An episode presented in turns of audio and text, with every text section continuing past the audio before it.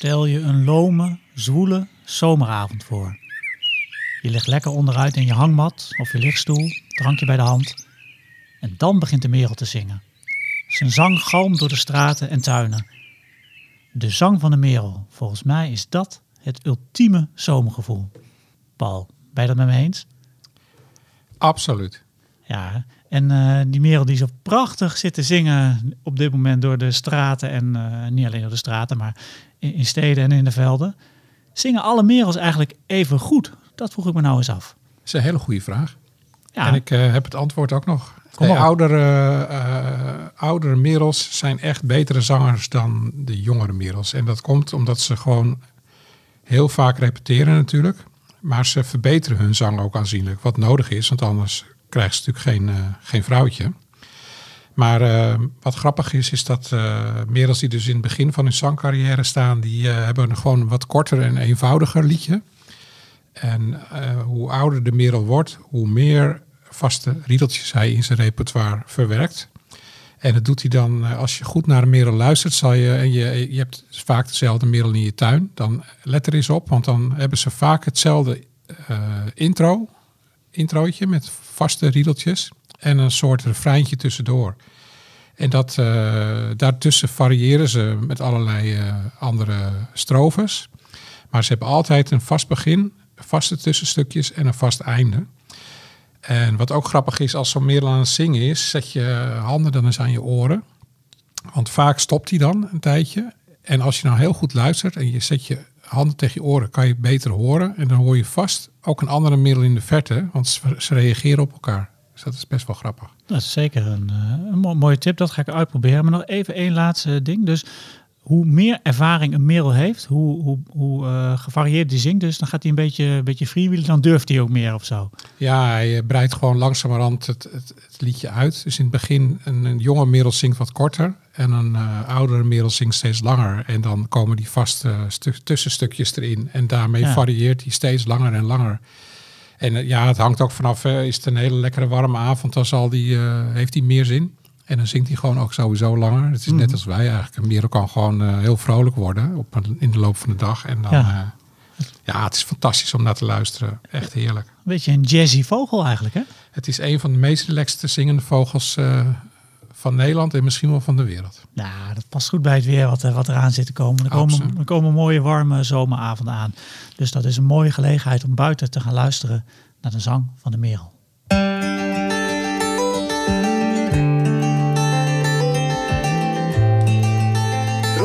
Presenteert Notenkrakers. De vogels fluiten buiten, wil je weten wie ze zijn? Kom en luister naar Notenkrakers. Welkom bij de podcast Notenkrakers. Mijn naam is Daniel Mulder en in deze podcast van juli 2022 alweer neem ik je mee in de wereld van de chilpende, zingende, piepende en ook kwakende vogels. En zoals altijd zit ook Roetse redacteur Paul Beuren aan mijn zijde. Hij steekt zijn arm omhoog en maakt een gebaar als een Messi die een doelpunt heeft gemaakt. Want hij weet bijna alles van vogels. En uh, ik kan hem ook gewoon alle vragen op hem afvuren. En als hij niet weet, dan zegt hij het ook. Paul, voor mijn gevoel, uh, de merel, die zingt altijd heel vroeg in de ochtend. Dat uh, weet ik, want ik word er wakker van. Ook laat in de avond. Dus eigenlijk zingt hij gewoon de hele dag. Dat is mijn vraag. Vrij veel momenten op de dag. En ook nog eens een keer vanaf eigenlijk uh, de zwoele dagen in de winter. Uh, rond kerst en zo, als het dan wat zachter is, dan kan je hem ook zomaar horen. En sterker nog, als je in de stad woont, en dan gaan natuurlijk de stadslichten gaan al uh, vroeg in de avond aan. heb je heel vaak dat zo'n merel dan in de buurt van zo'n lantaarn, brandende lantaarn gaat zitten zingen. Het is echt opvallend. Dat is iets van wat al een tijdje eigenlijk zo gaande is. Maar vooral in het voorjaar dan uh, vanaf maart dan gaat hij, uh, gaat hij los. En uh, met name s ochtends vroeg en s s'avonds laat. En dan hangt het er maar net vanaf of die gepaard is of niet. Ik ben toevallig net een boek van Rob Bijlsma aan het lezen, De geur van het bos. Daar hij vertelt in dat mensen dan onderzoek doen naar zingende fietsen. Mm -hmm. Maar zolang je zo'n fiets hoort zingen de hele tijd, dan is hij dus nog niet gepaard. En is hij al vrij snel stil en sneaky, dan zie je ze eigenlijk niet meer. En dat geldt ook voor merels. Dan hebben ze gewoon een hebben ze elkaar gevonden. En dan gaan ze al ras aan de slag om een nest te maken. Ja. Want ook dat doen ze al, ja, afhankelijk. Dit jaar waren ze heel vroeg, al in maart, omdat het vrij warm was. En anders is het april. Ja, wat, wat we al zeiden, hij zingt op een ongelooflijk ontspannen manier. En uh, wat ook echt heel grappig is, moet je ook maar eens opletten als je hem hoort zingen, dat hij heel vaak ringtoons uh, verwerkt die, van mensen in de buurt uh, met telefoons. Dus oh. dat is ook iets van, ja, van al natuurlijk al een tijdje terug dat die ringtoons steeds populairder werden. Ja. En maar, maar welke ringtoon heb jij op je telefoon? Dat is een vogelgeluid. Ja, ik heb een nachtegaal, dus het wordt moeilijk voor hem. Dus jouw merel zingt de nachtegaal. Jouw merel, oh, dat zou wel spectaculair worden. Ja, dat zou wel heel leuk zijn. Nee, het zijn vooral die eh, hele irritante ringtoons die hij erin verwerkt. Met van die, maar tegenwoordig is het allemaal een stuk verbeterd. Dus ik kan me ook weer zo voorstellen dat het steeds moeilijker voor hem wordt. Ik dacht dat spreeuwen dat vooral deden, maar merels kunnen het dus ook. Ja, absoluut. Voor we verder praten over de merel, bel ik eerst met Timo Roeken van Vogelbescherming Nederland om te horen wat er allemaal gebeurt in Vogelland Nederland. In Vogelvlucht. Timo, goeiedag. Dag heren. Fijn dat jij weer aanschuift in onze podcast uh, Notenkrakers. Dat doe jij iedere keer, uh, bellen we je op, uh, omdat, we natuurlijk, dat jij dicht bij het vogelnieuws zit, omdat je bij vogelbescherming werkt. En uh, jij houdt voor ons een beetje bij wat er allemaal gebeurt. En uh, wat jij altijd doet, jij uh, kiest een soort, een soort van de maand, noem het altijd maar even. Ik ben benieuwd, wat heb je gekozen? Zijn er zoals altijd zijn het er weer twee. Ja, we hebben volgens mij ook wel een combinatie van een bepaalde soorten gedaan, maar dit keer hebben we er twee. Um, met, zal ik een vogel beginnen die mm, wil je een echte zeevogel die onder water gaat, of wil je een vogel die op het water zit? Nee, maar gaan keuzes. Uh, ja, gezien het weer, eh, er komt warmte aan. En dat vind ik trouwens wel goed, allebei watervogels. Uh, doe maar een, diegene die ook onder water gaat. Onder water gaat. Nou, dan beginnen we bij een vogel. En die noemen we ook heel passend bij het warme weer. Maar die noemen we de ijsduiker. Ja, er zijn verschillende soorten duikers. Um, die te zien zijn in Nederland, zeker in de winter. Maar wat dit zo bijzonder maakt, is dat deze ijsduiker nu ook in de zomer uh, hier in Nederland zit. Aan de Kraaienbergse plassen. Um, dat is in Noord-Brabant, eh, net onder uh, Eindhoven, als ik me niet vergis. Ja, dat is toch echt wel een plaatje, want we zien ze hier wel vaker in Nederland. En dan zeker, zoals ik al zei, zitten ze voornamelijk in de winter. Maar nou je er eentje hier in de zomer ziet, dan denk je, ja, wat maakt dat nou uit? Maar zoals je weet hebben heel veel vogels hebben een winter- en een zomerkleed. En het zomerkleed van deze soort is echt wel echt fascinerend mooi, vind ik. Maar wacht even, Timo. Uh, de aarde is zo'n beetje helemaal van slag af op alle fronten. We hebben nu een ijsduiker in de zomer in Nederland.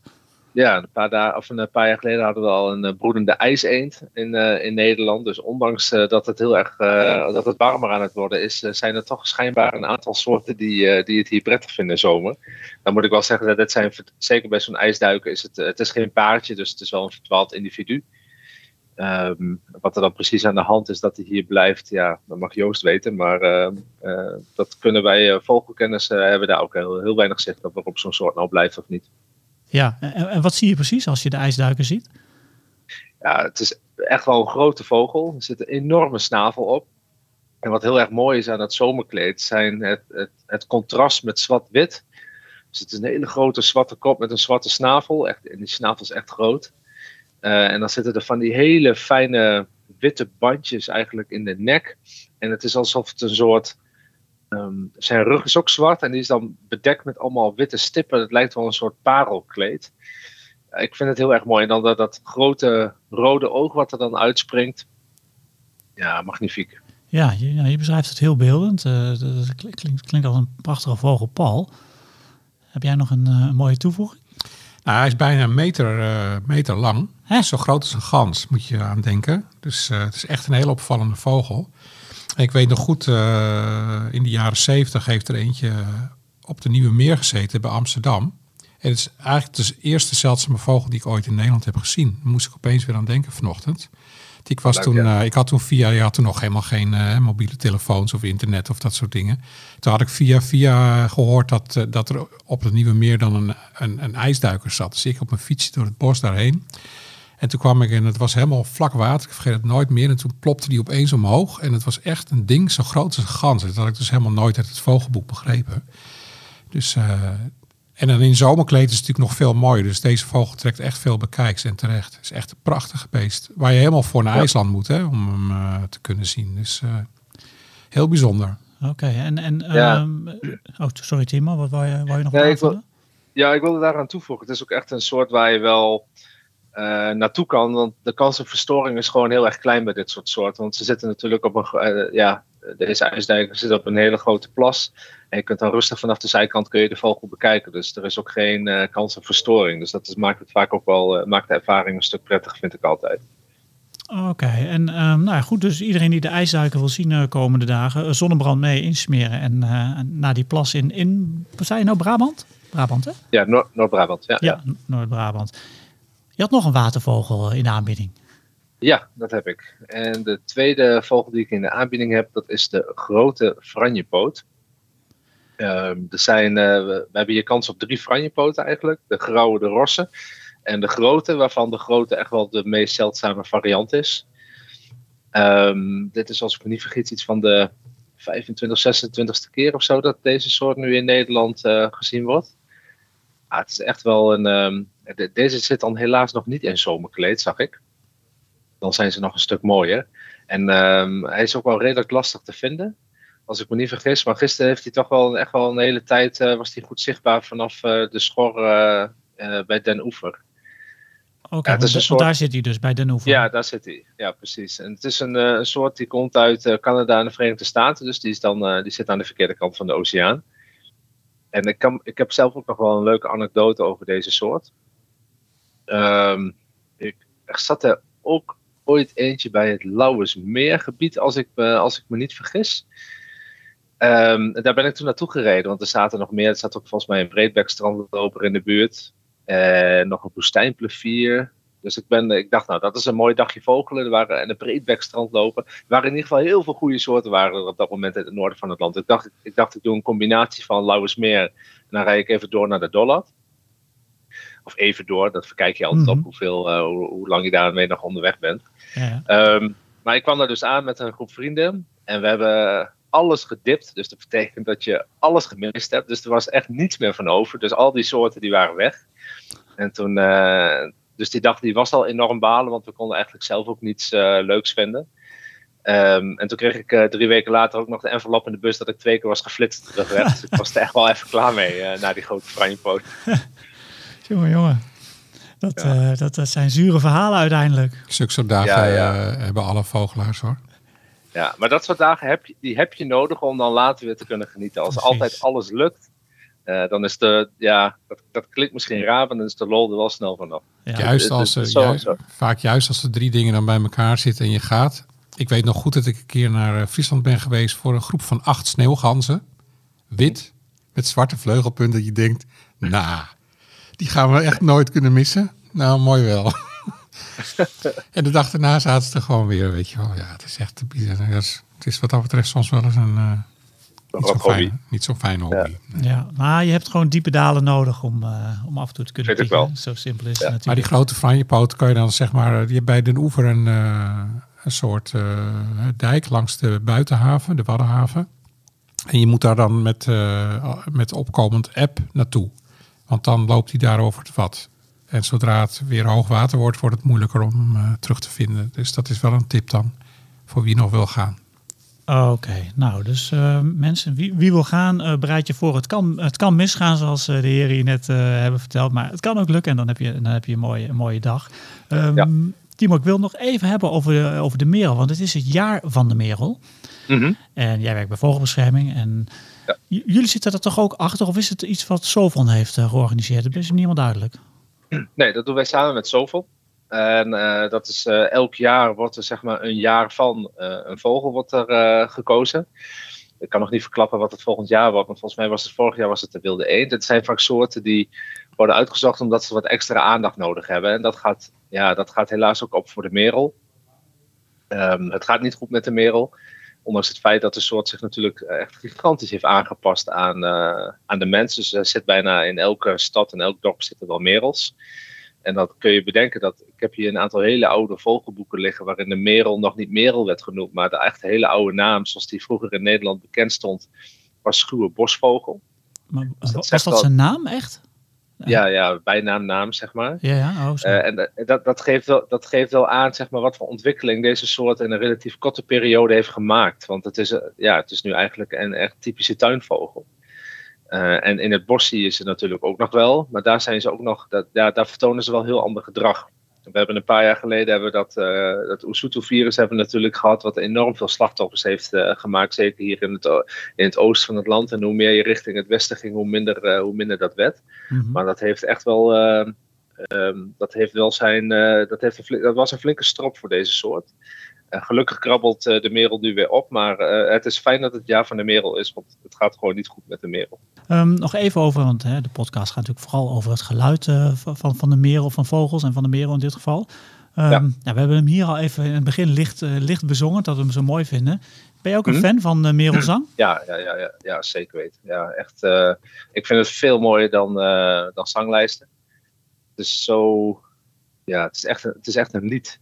En ik vind uh, bij de zanglijst heb je vaak van die, uh, die losse elementen die aan elkaar worden geknoopt. Maar voor de merel is voor mij echt wel een. Uh, ja, het is ook uitgeroepen toch dat mooiste natuurgeluid van Nederland een paar jaar geleden. Ja, zeker. Ja, Ja, precies. was bij Vroege Vogels uh, inderdaad, ja. Maar, Ja, maar, ja. maar we hebben natuurlijk regelmatig in deze podcast gezegd van... dit is echt een fantastische zanger en dit en dit en zus en zo. Mhm. En dit is het zomerige geluid.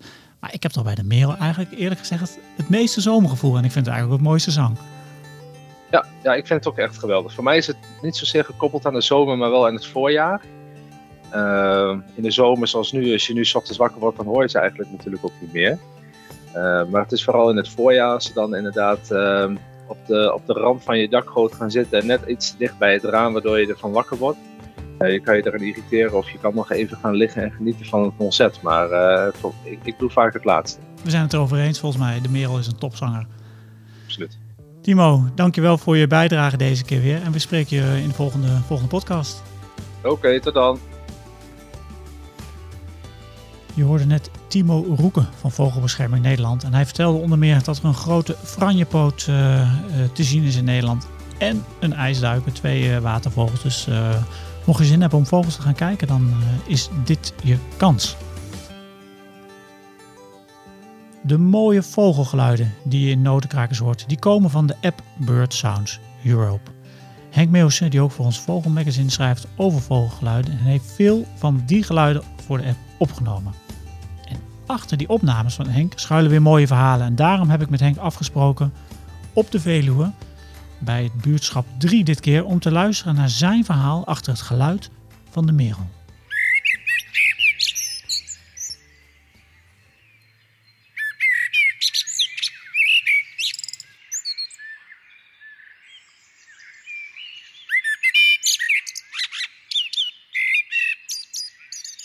Henk, wat hoor jij hier allemaal? De mooiste vogelzang van. Ik zat te denken van Nederland, maar misschien wel de mooiste vogelzang van Europa. Van de wereld durf ik niet te zeggen, want zo goed ben ik niet bekend met alle zangers. Maar ja, ik vind het is, het is, uh, het is zo'n mooie zang. Nou, als je zo hoog inzet, dan moet je dat ook even uitleggen. Um, het is een hele warme, warme zang. Warme en, en, een hele gevarieerde zang. Kijk, je hebt veel vogels die herhalen hun zang. Dus als je één keer een strofe hebt gehoord van een vink, dan uh, moet je anderhalf minuut wachten en dan wisselt hij eens een keer van zangstrofe.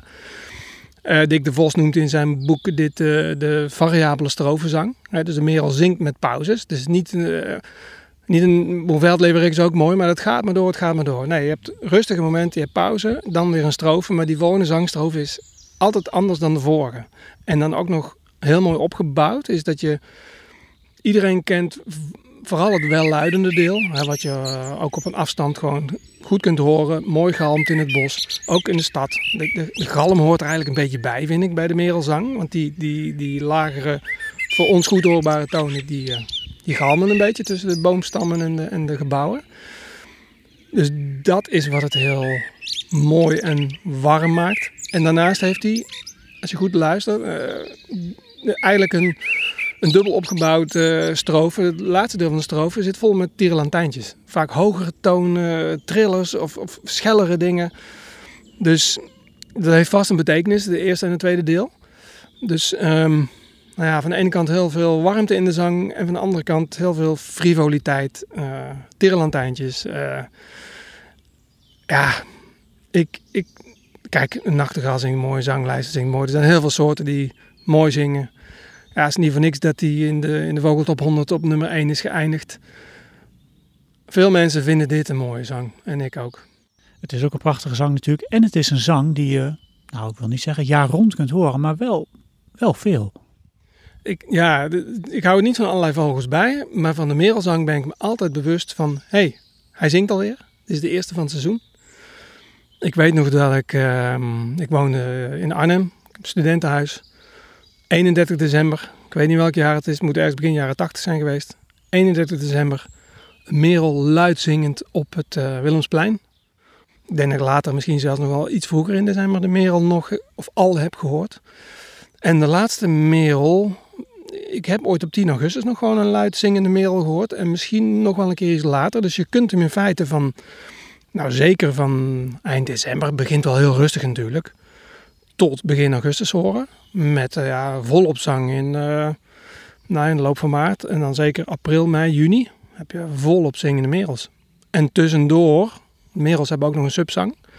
Merels hebben veel soorten zang. Uh, dat is echt, echt een zacht gezongen zang. Die, soms hoor je een merel zingen. Dat, dat kan ook gewoon in de andere maanden zijn. En dan ben je, geneigd om verder weg te kijken van hé, hey, waar zit hij? En dan zit hij gewoon vlak voor je in een struikje. Meestal die subzang zit hij in een, in een conifeer of in, of in een dicht struikje. Zit hij zo in zichzelf een beetje te zingen. Daar herken je de merel in. Maar ja, dat is echt uh, zachtjes. Um, dat kun je misschien wel het hele jaar door horen. Dus ja, het is en mooi. En je raakt er niet zo. Kijk, ik zou zeggen, Bohemian Rhapsody staat al, ik weet niet hoe lang, op de, uh, in, de, in de top 2000. Als je die drie keer achter elkaar hoort, dan ben je er zat. Maar uh, kun je, kun je een uur naar luisteren. Het is, uh, blijft fascineren, blijft mooi, er blijft iets in te horen. Ja, want jij vindt de merelzang volgens mij zo mooi dat je zelfs een cd over hebt gemaakt. Klopt dat? Ja, mijn eerste cd die ging over merelzang. Want ik, op een gegeven moment merkte ik ook van ja, ik blijf merels opnemen. In het begin was voor mij natuurlijk ook de fascinatie van het op, opnemen sowieso. Het, het, is ook een beetje een wonder dat je het geluid kunt opnemen en af kunt spelen. Een keer kunt herbeleven. Maar op een gegeven moment viel me ook op dat die merels individueel herkenbaar zijn. Toen, toen, dacht ik ook, ja, dat is ook wel leuk om eigenlijk op een cd te zetten. En ik geloof dat er een stuk of 7, 8 verschillende merels op staan, waar je duidelijk kunt horen dat het verschillende merels zijn. Dus dat is ook mijn oproep in dit geval aan de luisteraars. Van, ik heb er zelf laatst ook op gelet. Je gaat je merel die in je eigen tuin zitten zingen, of als je het geluk hebt dat je in ieder geval merel in de buurt hebt. En wie heeft dat niet in de stad? als je even gaat luisteren, dan op een gegeven moment gaat je waarschijnlijk een of ander herkennings... Ik noem het altijd maar het herkenningsmelodietje. Gaat opvallen van jouw merel.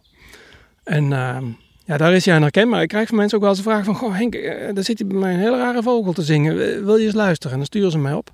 En zeggen, is gewoon een merel. Alleen dit is een herkenningsmelodietje. Een heel typisch stukje zang wat er bovenuit springt. Uh, ik ken zelfs wel iemand die zei van ik heb een tijdje lang gewoon een bepaald simpel deuntje in mijn tuin gefloten. En de merel die heeft dat ingebouwd in zijn, uh, in zijn zang. Oké, dus iedere merel heeft zijn eigen, eigen tuinlied. Dus, dus de merel bij jou in de tuin heeft een eigen compositie. Misschien wel speciaal voor, voor de bewoner geschreven. Ja, nou, die, die, kijk, die compositie, het geheel uh, lijkt wel op alle, alle merels. En, en die, die tirelantijntjes en een groot deel van de zang, ja, dat is gewoon merel. Maar er zit vaak wel uh, mijn favoriete merel de favoriet misschien ook wel van die cd. Dit is de eerste echt hele mooie opname die ik van de merel maakte. Ik weet nog, ik stond te balanceren op één been met de fiets tussen mijn benen. Want ik had zoiets, ik moet nu opnemen, ik moet niet eerst afstappen. Want ik stond onder een merel, die zat heel mooi te zingen. Onder een dode boom, dus de hele ruimte kon je horen. In de planken Ik heb daar minuten gestaan. Die merel zong zo mooi. En die had, meteen hoorde ik van... Tweet, dat was zijn herkenningsmelodie. En dan was hij een paar strofen verder en dan was hij... Het was zo herkenbaar, maar zo mooi. Ik stond aan een bosrand. Die bosrand echode een beetje. De verte een vink, nog verder weg, heel af en toe een zwart, een zwart specht roffelend. Elke keer als ik over de planken wandbuis fiets en ik kom langs die plek. Die boom was toen al dood. Die heeft er jaren gestaan. Nu ligt er nog een stronk te rotten. elke keer als ik er langskom, denk ik, oh ja, dit was, het was het eerste jaar dat ik opnames maakte. En dat ik misschien ook door deze opnames zoiets had van, wauw, als dit mogelijk is, nou, wat ligt er dan nog in het verschiet aan, aan mooie opnames? Nou, een heleboel dus, uh, dat weten we inmiddels. Uh, maar we gaan nu eerst nog even luisteren naar het geluid van de merel. En uh, luister dan ook vooral in je tuin of je zelf de merel herkent.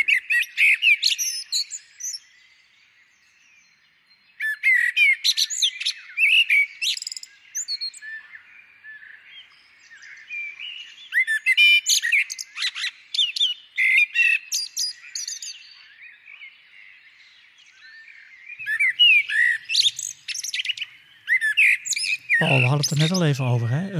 Het jaar van de Merel 2022. Timo zei het al. Er moet meer, uh, er moet meer ook bekend over worden. Um, maar wat ik even benieuwd naar ben, we hadden het al even over dat Oezutu-virus. Timo stipt het al even aan, maar je hebt je daar nog wat verder in verdiept, hè? Ja, klopt. Kun je eens even een uh, actuele update geven van het laatste? Van, nou, is het virus er nog? Uh, is het weg? Uh, hoe gaat het? Ja, want in feite was het jaar van de merel inderdaad ingesteld door Sovon en Vogelbescherming. Om, omdat ze zich ernstig zorgen maakten over de merel. Ik heb gisteren even contact gehad met Gert Ottens, een collega van Timo, bij Vogelbescherming werkzaam.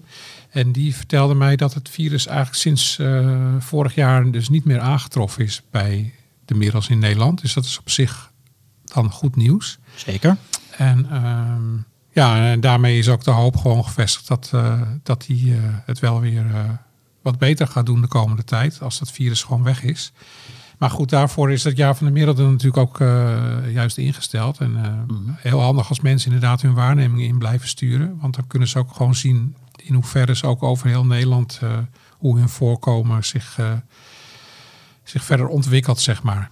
Dus het is heel belangrijk inderdaad om, uh, om door te geven dat je ze ziet in de tuin. Ja, en nog even over het virus, hè? want uh, ik weet, uh, weet er eigenlijk niet zo heel veel van. Maar hoe werd dat nou overgedragen op merels? Nou ja, via muggen. Uh, hoe dat in zijn werk gaat, weet ik natuurlijk ook niet precies. Maar ik heb wel begrepen dat zodra zo'n merel zeg maar in de rui is, en dat is zo'n beetje na de broedtijd. De meeste mhm. zangvogels ruien tussen zeg maar dat de jongen groot geworden zijn en dat ze op trek gaan. Nou zijn merels op zich niet vogels die heel veel trekken, maar een deel trekt wel degelijk. En er komen ook vogels uit Scandinavië bij ons langs straks in het najaar. Best wel aanzienlijke hoeveelheden ook. Maar juist op het moment dat die veren zeg maar dan aan het ruien zijn, dan, worden ze, dan dekken ze het verenkleed niet helemaal goed. En op zo'n moment heeft een mug kans om zo'n merel te steken. Mm het komt uit Afrika, het is overgewaaid via trekvogels hier naartoe. En uh, blijkbaar is vooral die merel daar heel gevoelig voor. Ja, eh, maar nu is het virus dus toch op een of andere manier uh, Ja, waarschijnlijk zijn ze toch resistent geworden. Ja, nou dat, dat is... dat is goed nieuws. zeker goed nieuws. Um, ja, we hebben hier de merel al een beetje bezongen vanwege zijn lied. En, maar jij vindt het sowieso een mooi vogel, hè? Ook, ook qua uiterlijk. Ja, wat ik zo grappig vind aan een merel is dat je er dat ze zo ongelooflijk strak in het pak zitten. Zo'n zo'n mannetjesmerel, dat is gewoon, hè, als je die ziet uh, hippen over het grasveld, het is, nou ja, strakker kan bijna niet. Dus, uh, en dan met zo'n snavel, uh, zo'n gele snavel natuurlijk, die ontzettend opvallend is. Wat wel grappig was, ik was vrijdagmiddag in de Hortus in Alkmaar. Overigens een aanrader, Hortus in Alkmaar, erg leuk. Met ook met thematuinen en zo. En daar was een merel zo'n stofbad aan het nemen. Ik weet niet of mensen die naar ons luisteren het ook wel eens hebben gezien. Maar dat doen ze heel regelmatig op een stukje, uh, juist stukje moestuin of zo, waar dan wat zand uh, ligt. En dat doen ze om uh, juist tegen parasieten. En, want heel, alle vogels hebben wel parasieten in hun verenkleed. Of maken kans op mijten en, en andere beesten die gewoon van hun bloed, bloed zuigen. En door zo'n stofbad te nemen, schudden ze dat weer van hun veren af.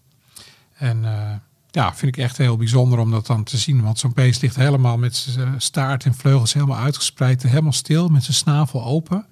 En ik probeer natuurlijk een foto te maken. En ik kwam hem aansluipen, maar ja, dan is hij natuurlijk weer weg. Dus dat lukt, uh, lukt helaas niet. Ja, nee, ik, ik, ken het beeld van de merel die een stofbad neemt. Ziet er altijd uh, aandoenlijk uit op een of andere manier. Ja. Je zei net al iets over die oranje snavel, hè? Want het is wel een heel opvallend iets, uh, vind ik. Je hebt een, hij heeft een zwart pak of een bruin, een bruin verenpak en dan een fel, gele, oranje snavel. Heeft, heeft dat nog een functie of is dat gewoon uh, voor de show? Dat heeft zeker een functie. Want uit onderzoek blijkt dat uh, merelmannetjes met, uh, met een fel oranje snavel, want ze zijn dus geel, maar ze kunnen ook heel feller oranje, richting oranje gaan, dat die dus meer in trek zijn bij de vrouwtjes. Uh, dat wordt, die kleur van de snavel wordt bepaald door de carotenoïden. Dat is ja, een stofje zeg maar, in het bloed wat daardoor waardoor hoe meer die dat heeft, hoe feller die kleur gaat worden. Ja. En ja, zo'n uh, vurig oranje gekleurde snavel geeft een hele goede indicatie voor, voor de conditie van die vogel. Dus hoe feller die snavel gekleurd is van een merel, hoe hmm. vitaler die eigenlijk is. En dat is voor zo'n vrouwtje nou ja, gewoon een hele goede keuze. Want daaraan kan ze gewoon zien dat ze een hele gezonde vent binnengehaald heeft. En daarmee waarschijnlijk ook een grotere kans op beter eh, en beter eh, nageslacht. Oké, nou dat is mooi. Dat is goed, om te weten. En nu trouwens de, de merels zijn uitgevlogen. kan je zien dat jonge mannetjes, die hebben vaak een, een zwart verenkleed, maar wat meer bruin in de vleugel. En ze hebben ook een bruine snavel, donkere snavel in plaats van geel. Pas in de loop van de winter gaat dat richting geel kleuren. Ah, nou, opletten dus als je merel uh, ziet of je veranderingen kunt waarnemen. Uh, waarnemen. Ehm, ja, wat je ook altijd doet, hè, is, weetjes eh, selecteren. Heb je er voor de merel wat kunnen vinden of viel het tegen? Er zijn ontzettend veel weetjes over merels te vinden. Doe er nou eens twee. Timo noemde het al. Vroeger was het een schuwe bosvogel. En tegenwoordig is dat veranderd. Zit hij zelfs bijna niet eens meer in het bos, maar vooral bij mensen in in de tuin en in parken. Uh, wat ook misschien wel grappig is, eh, mensen zullen het wel eens gezien hebben, dat zo'n merel op een gazon staat te trappelen met zijn pootjes.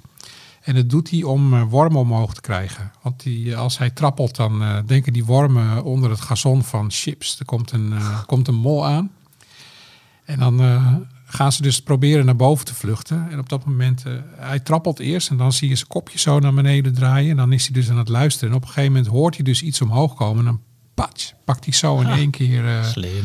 Pakt hij die, uh, pakt hij die wormen of wat dan ook het is eruit. Dus, nou, wat misschien ook wel heel veel mensen niet weten is dat er 1 miljoen broedparen in Nederland zijn van de merel. Dus dat is best wel heel veel. En dat ze in de winter uh, worden aangevuld met vogels uit Noord- en Oost-Europa. En dat het dan wel op kan lopen tot 3 miljoen merels in Nederland.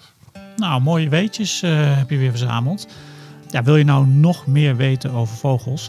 Roots brengt twee keer per jaar het Vogelmagazine uit. En deze krijg je bij een jaarabonnement op Roots. En je kunt hem natuurlijk ook gewoon uh, los bestellen via onze website rootsmagazine.nl. Dat is het voorjaarsnummer die je nu, uh, als je nu gaat bestellen, dan krijg je die thuis gestuurd. Maar er wordt al hard gewerkt aan een nieuw vogelmagazine. En die verschijnt op 18 augustus, als ik goed ben geïnformeerd. En Paul is daar nu een beetje de puntje op de i aan het zetten. Hè? Ja, laatste loodjes op dit moment. Ja, wat is het artikel? Nou, er staan echt hele gevarieerd aanbod aan artikelen in. Van de steppenkiekendief tot uh, verrassend vogel in Wallonië, België tot eh, het Zwin op de grens van België, wat recent helemaal op de schop is gegaan en een fantastisch mooie uitkijkpunt uh, kent. En uh, we beginnen met een nieuwe serie. De ontdekking van, van een nieuwe vogel voor Nederland, het verhaal erachter. Met uh, roetslezer Marco Betting had een Italiaanse mus, primeur in zijn tuin. En je leest er alles over in het komend nummer. Ah, leuk. Nou, Echt een heel leuk nummer. 18 augustus, nieuwe Vogelmagazine. In deze rubriek stellen luisteraars vragen over vogels. Wat een vraag!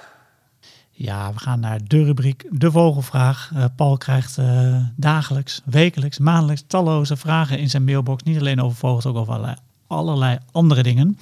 Maar een van die vragen die wel over vogels ging, um, die ging over de meerkoet. Een bijzondere vraag, want ik had er nooit over nagedacht. Kan een meerkoet duiken? Hele goede vraag trouwens. Ja, een bijzondere vraag. Het is natuurlijk een watervogel, dus je denkt van nou, die kan, die kan duiken. Um, maar een meerkoet is vooral een, uh, een vogel die uh, uh, veel zwemt en dan met zijn kop en snavel onder water gaat om vooral waterplanten aan de oppervlakte en alles wat hij daar eigenlijk tussen tegenkomt naar binnen te werken. Maar af en toe dan moet hij gewoon dieper. Als die waterplanten gewoon wat dieper groeien of die beestjes die daartussen door glippen. En ja, dan moet hij toch, dan moet hij toch onder water. En dan maakt hij vaak een soort van een, een sprongetje. En dan zie je hem inderdaad onder water verdwijnen. En dan komt hij met een plop eigenlijk omhoog. Want hij heeft één groot nadeel. Hij heeft niet zo'n strak verenpak als een fut. Dus die veren zitten niet helemaal uh, zo strak op elkaar dat hij, het is bij hem wat, wat rommeliger. En daardoor komt er, komen er heel veel druppels komen er tussen zijn veren. En eigenlijk komt hij als een soort kurk uh, eruit. En als je dan goed kijkt, dan zie je ook overal waterdruppels tussenuit komen. En, dus hij kan niet eindeloos onder water blijven, maar hij doet het wel. Hij kan wel duiken. En wat het grappig is, let op dat sprongetje. Hij maakt echt zo'n sprongetje om een soort want hij moet kracht hebben om, zeg maar... Uh, kijk, zo'n fut die glijdt gewoon... Uh, hoppa, uh, die glijdt gewoon moeiteloos erin. Mm -hmm. En die, die meerkoet die moet even wat meer moeite doen. En, hij moet strijd leveren strijd met het water. leveren om tegen de kracht van het water. Om de, echt, en dan heeft hij natuurlijk die enorme poten met die lobben. Zeg maar. Daarmee kan hij dan wel kracht zetten. Het is natuurlijk eigenlijk vooral bedoeld om over waterplanten te lopen. En, Mhm. Maar daarmee kan hij dan wel weer een extra setje geven om uh, wat dieper uh, onderin te komen. Maar uh, ja. blijft een koddig gezicht. Oké. De meerkoet, hij kan dus duiken. Weten we ook weer. Heb je ook een lezersvraag? Mail die dan naar info.rootsmagazine.nl en wie weet behandelen we hem in de volgende podcast. Notenkrakers.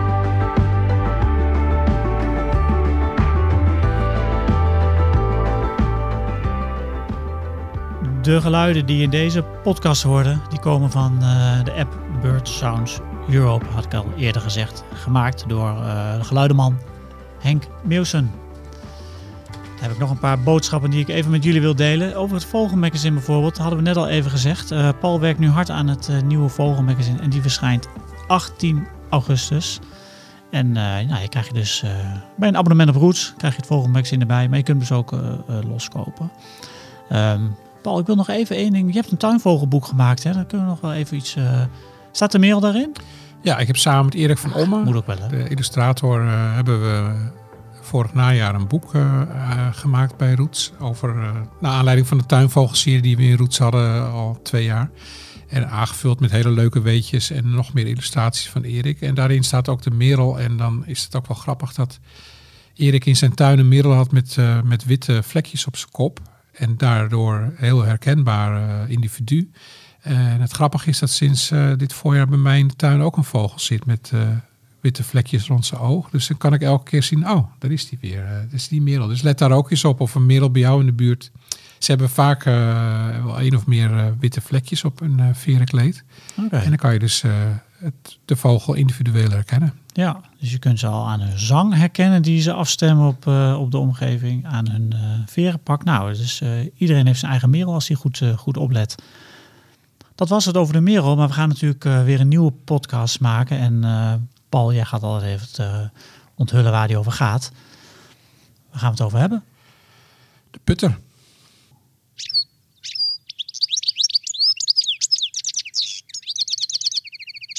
Werd vroeger veel in kooitjes gehouden.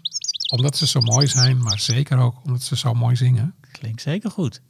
En wat ook leuk is om te vertellen, dat ze steeds meer bij ons voorkomen. Dus steeds meer te horen zijn. En in de herfst zelfs in groepjes. Nou, daar gaan we straks uh, volgende maand, uh, uh, volgende maand, na de zomer wordt dat trouwens, gaan we daar meer over horen. Over de putter. Maar goed, voor nu gaan we nog eventjes naar de merel luisteren. Dus uh, als je naar buiten bent, oren open en luister naar alle vogels, waaronder de merel.